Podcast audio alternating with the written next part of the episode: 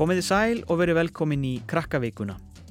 Í kvöld ætlum við að fara yfir helstu krakkafréttir.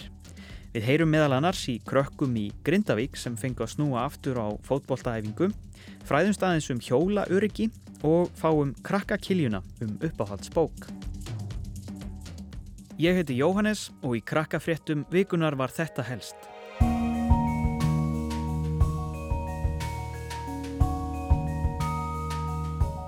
Í dag fengu Íslandingar loksins að fara aftur í sundlaugarnar eftir margra vikna byð. Eftir viku verður svo slakað ennfrekar á samkomubanni og þá geta 200 manns komið saman í einu. Sundlaugar hafa verið lokaðar frá því 24. mars. Þær hafa nú verið opnaðar en með takmörkunum. Sundlaugar í Reykjavík tóku forskot á sæluna og opnuðu á miðnætti. Það var greinlega mikil eftirvænting því fólk beigð í laungum röðum eftir því að komast í laugina. Bara helmingur af þeim fjölda sem venjulega er leifður í hverri laug má núna fara í sund í einu. Þórólur Guðnason, sóttvarnarlæknir, segir að það verði hægt að bæta við þann fjölda með einu viðbótar skrefi til 15. júni og þá má hámarsfjöldi vera í hverri laug. Eftir viku, 25. mæ, breytist enn meira samkvæmt tillögum sótvarnalæknis. Þá verða líkamsrækta stöðvar opnaðar með helmingi færri gestum en venjulega er leifilegt og eins og með sundlögarnar verður hámarsfjöldi leifður 15. júni. Þann dag verða landamæri Íslands opnuð og ferðamenn geta komið til landsins. Þeir þurfa þá að fara í skimun fyrir veirunni áður en þeir sækja farangurinn sinn eða þá að fara í tveggja vikna sótkví.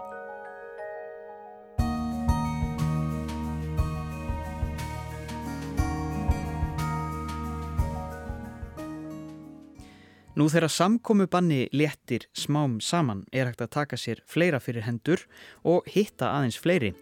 Það var þess vegna mikil eftirvænting þegar krakkar hjá ungmennafélagi Grindavíkur fengu að snúa aftur á skipulegaðar fótbolltaæfingar eftir samkominbann en það orðið svo litið leiðilegt að æfa sig alltaf heima. Landin hér á Rúf kom við á æfingu fyrir nokkru og við skulum heyra smá brot. Hvernig er stemmingin að við að fara að æfa aftur? Það er bara mjög gott. Eru þið búin að býða lengi? Já. Var þetta leiðinlegt að geta ekki mætt á æfingar? Já, mjög. Hvað gerðu þið þá í staðinn? Fórum bara út. Æfa. Og hvernig gáttu þið eftir á meðan að æfingar voru bannaðar? Spark í vegg og fá hann aftur og eitthvað touch. Skjóta. Ég kæfti minna tvö lítileg mörg til að æfa með heima. Já. Og varstu þá bara eina að æfa? Nei, pappi mann kom oft að keppa mútið mér. Já. En skemmtilegur að, að keppa við jafnaldrana. Já. En þú, hve- hvernig æfðu þú? Um, ég fór bara upp í hópi því að það var stundum opið þannig að ég fór bara að æfa með það því ég er ekki alveg komið um garð. Egið þið eitthvað fyrirmyndir í boltanum? Messi. Van Dijk. Þeir spila ekki með Grindavík eða eitthvað? Nei. Ætlið þið að ná langt í fótboltanum? Já. Ég held að ég ætla frekar að sleppa hverjuna að fara fókváltana. Er það skemmtilegri? Já, Ætlar að spila alltaf með Grindavík eða ætlar eitthvað annað? Grindavík. Mér langar, ekki að spila með örðarlið, sko. Er ekki. Það er Grindavík bara best. Já. Já. Já. Við ólumst upp hér, við verðum hér. Já. Já. Það er bara hannig.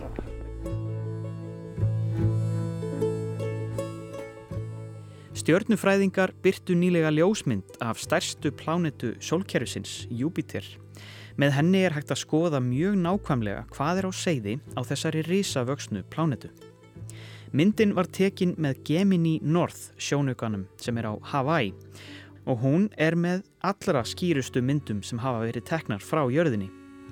Myndin er í raun hitakort af Júpiter sem sýnir innrautt ljós eða hita sem berst úr yðrum þessa gasrisa.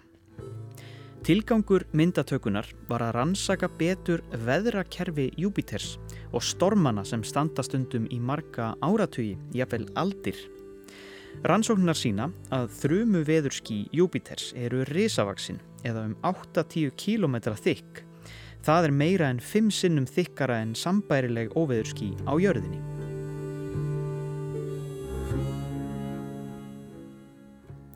Nú fyrir skemstu hitti ráðgjafahópur umbóðsmanns barna ráðherra Íslands og afhendi þeim niðurstöður barnaþings 2019. Þar kemur fram hverju krakkar vilja breyta í samfélaginu.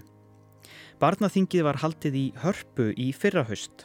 Salfur Nordal, umbóðsmaður barna, bóðaði til þingsins en það er gert annað hvert ár. Þar er farið yfir stöðu og þróun í málefnum barna á helstu sviðum samfélagsins. Krakkar fengu að ráða dagskráni og hvað væri rætt á þinginu og þau letu sínar skoðanir í ljós. Það sem er vekur nú sérstaklega aðtegli eru hvað eru fjölbreytt málefnir sem voru tekinn til umræðu á barnaþingi. Við byrjum með mjög opna spurningu og þau fengu uh, raunverulega ráða um hvað þau töluðu og uh, þau koma mjög víða við. Sjálfsögur er mikið tala um skólamál og, og fjölskyldun og vini en líka um stóru málinn eins og umhverfismálinn og uh, heimsmálinn. Niðurstöður barnaþings voru svo teknar saman í skýrslu sem ráðgjafahópurinn afhendi ríkistjórn Íslands. Við hittum þau alla dag og dagmar eddu, barnaþingsmenn og þau sögðu okkar aðeins betur frá. Hverjar voru helstu niðurstöðu barnaþings? Um, bara að bæta okkur í umhverfismálum og mannréttundum og til dæmis sál og helsu. Og haldið að þetta skipti máli, haldið að fullorðnum fólki hlusti á þessar tilugur? Um, ég vona það. Hvernig geta ungir krakkar haft áhrif? Um, til dæmis með barnaþingi og bara... Bara tjá sig? Já. Eitthvað fleira sem vilji koma frá hér? Já. Já, anna börn með lesflundi og einhverfi og ADHD að fá meiri aðstof. Og ég er með lesflundi og ég fæ ekki það mikla aðstof í skólanum. Þjóðleikhúsið fagnar 70 ára afmæli í ár en það hefur verið erfitt að halda upp á það í leikhúsinu vegna samkomubans. Kardemómubærin er einn þeirra síninga í þjóðleikhúsinu sem hefur verið frestað fram á haust. Kardemómubærin er sígilt leikrit eftir norska leikskáldið Torbjörn Egner. Það var fyrst sínt í þjóðleikhúsinu árið 1960 og hefur reglulega verið sett upp allar götur síðan. Krakkarúf í samstarfi við leikhúsið gerði myndbönd um Kardemómubæin sem kallast Leiksýning verður til. Margir krakkar taka þátt í síningunni sem leika börn og dýr bæjarins fræga. Jón Arnór Pétursson og Vala Frostadóttir eru ungir og upprennandi leikarar sem fara með hlutverk Tomma og Kamilu í síningunni. Það skemmtilegasta við leikhúsið er bara að standa á sviði og það er mjög gaman að kynast nýju fólki. Það er allir svo skemmtilegir og allt skemmtilegt fólk. Ég hef búin að læra af þessu að bara kýla á það og vera hress og, og ekki hugsa um hvað öðrum finnst um þig. Áfram en skal telja, aðrar nótur velja, einn og tveir og þrýr og einn. Hægt er að skoða öll innslögin um Kardemómubæin á krakkarúf.is. Með hækkandi sól og hreinum gödum eru margir sem draga fram reyðhjólinn sín. Það þarf að huga að ímsu áður maður hjólar af stað svo sem umferðareglum og ímsum öryggisatriðum. Og við ætlum að fá hana Cecilju Traustadóttur hjá Hjólafærni á Íslandi til að fara aðeins yfir það helsta með okkur. Þegar það kemur á hjólinu sjálfi þá viljum við að það sé að réttri stærð. Við viljum að bremsuna sé í lagi og við þurfum að ráða yfir þeirri færni að vera á hjóli. Við þurfum að kunna gefa merki, láta vita hvað við erum að fara að gera fyrir aðra í umferðinu til að sjá. Til dæmis þetta hérna gamla. Nú er ég að fara að beja til hægri, nú er ég að fara að beja til vinstri, nú ætlum ég að stoppa og svolítið að nota hausinn svona og líta. Og svo þarf að sína hvert öðru tillitsemi. Það er aðeins auðveldara þegar hjólastígar og göngustígar eru aðskildir en á blönduðum stígum þurfa hjólræðamenn að víkja fyrir gangandi og þá er gott að eiga bjöllu. Það er mjög gott að hafa bjöllu á hjólinu. Hún hjálpa þér að tala við umhverfið. Og svo er nöðsynlegt að vera með hjálm. Til þess að hann sé rétt stiltur þá þurfum við að nota þetta hérna aftan á að, að stilla stærðina á hringnum. Svo viljum við að, að þessi bönd þau séu svona niður fyrir eyru, þau sjáu hérna, hérna eyru sko og hann, sé, hann seti svona fram á ennið. Þetta finnst okkur vera svona það öryggi sem að hjálmurinn getur veitt okkur. Best er samt að vera ekki að detta hausin. Og næst ætlum við að heyra um uppáhaldsbók í krakkakiljunni.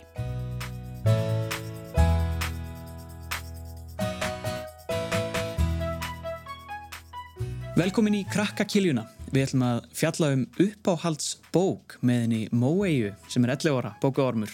Velkomin. Takk fyrir. Hvaða bók ert þú með sem uppáhaldsbók? Um, hún heitir Koparborgin.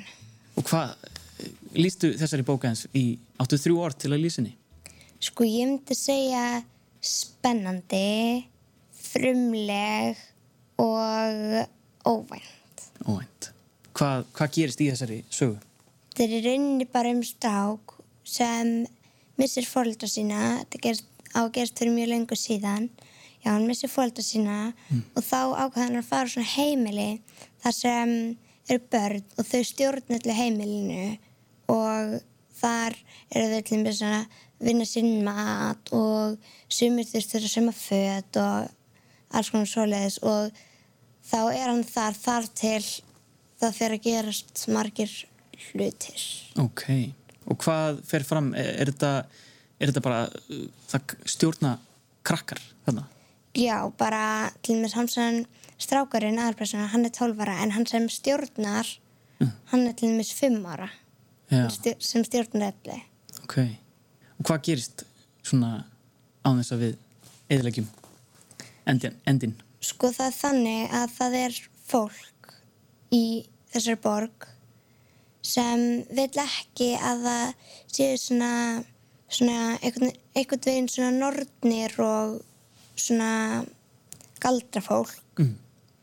og ef það kemst upp um eitthvað svoleiðis fólk þá er það sett innan svona þá er settir inn í svona fangelsi sem er inn í garðið fyrsta hallarinnar Ok, hvað er í þessari fyrsta höll? þar býr fyrstinn og síðan er svona sérstöku partur af garðinum þar sem eru í rauninni fangelsin. Já. Segð mér hans frá þessum fyrsta. Sko hann kemur aldrei fyrir nema ættin, fyrsta ættin, hún kemur mjög mikið fyrir í bókinni. Já. Ok, þannig að hann er, hann er svona ekki, ekki líkil persóna, en Nei, nei. Hvað er svona við þessa sögu sem þið finnst svona skemmtilegt? Akkur er hún uppáhalds bókin? sko ég held að sé bara því að það er svo alls konar hlutir sem maður getur ímyndað sér þótt þeir hafi gerst fyrir svo ótrúlega löngu síðan og líka bara þetta er stundum stundum er þetta svo flókið að mann finnst bara að þetta sé svo flókið að það sé bara enn skemmtilegra þetta er líka svo alveg líst í Hefur lesið hann oft? Nei, ég hef reynda bara lesa hann einu sinni. Ég las hann sko bara árið 2019 en hún kom út árið 2015. Og er, eru fleiri bækur svona í kringum þessa? Er þetta í ykkur svona serju eða?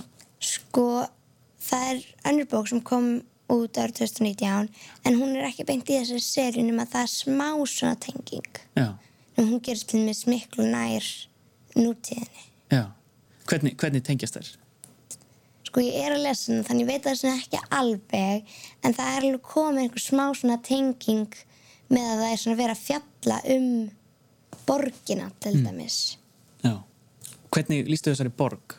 Hún heitir Koparborgin, eða ekki? Mm, neða, sko, það kemur aldrei í ljós hvað hún heitir þessi bókin heitir held ég bara Koparborgin út af því að það meiri hlutin af borginni allavega innan fyrsta þarna innan vekja fyrsta allarinnar um, tengist meira og minna kopar og en þessi borg þetta er raun bara það eru um, vondafólkið það sem vill ekki hafa neitt galdrafólk það þarna hefur lagt allt í rúst og kveikt í öllu og drekt fólki og okkur svo leiðis þannig að það er eiginlega engin örugur í borginni og þannig í rauninni þá er það í rauninni þá er það bara í rauninni svona eins og þetta væri stríð nema það er ekki tvölend í stríði heldur það er bara heldur bara þeir sem stjórna borginni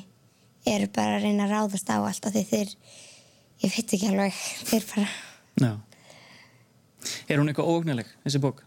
Já, alveg frekar, sérstaklega líka stundum þá ég veit, ég finn alveg að það er verið að reyna að halda spenninni og reyna að lýsa hverju og einu atriði svo vel að fólk alveg bara og verði ótrúlega hrætt. Hvað hérna, myndir þú segja hún væri, fyrir hvað aldur er þessi bók?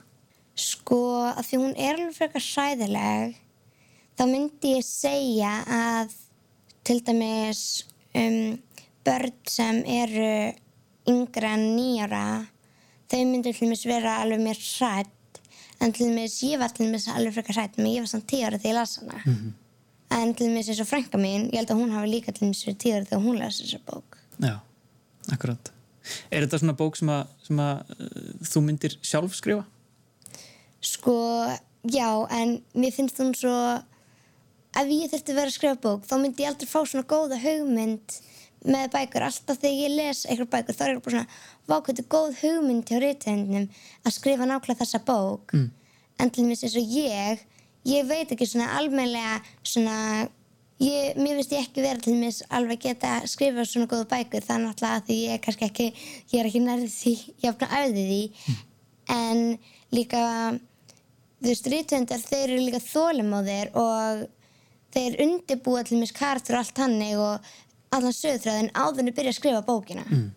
þannig Akkurat, það alveg er auka pluss Já. þannig í góða sögu akkurat. En ertu ekki duglið þá að ef þú færið hugmynd að skrifa hana hjá þér eða? Já, sko, ég til mér alveg stundum þá er ég búin að skrifa svona byrjanir sem mér finnst svona að vera eitthvað Já. og þá veit ég svona hvernig mér finnst svona sagan eiga að vera og þess vegna er ég með svona smá leita punta hjá mér ef Já. ég fæ góð hugmynd sem gæti orðið að eitthvað mjög skemmtilegri bók. Akkurat. En þú mælir með Koparborginni eftir Ragnhiði Hólkjastóttur. Mhm. Mói, takk fyrir að koma í þáttin og segja okkur frá uppáhaldsbókinni. Fyrir.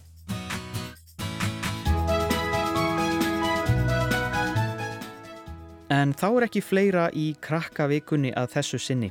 Þátturinn verður hér á rás 1 eftir viku en það er auðvitað hægt að hlusta á krakkarúf.is og í appinu. Við ljúkum þessu á læginu einn dag í einu með krassa sig. Þanga til næst, hafið það gott, bless bless.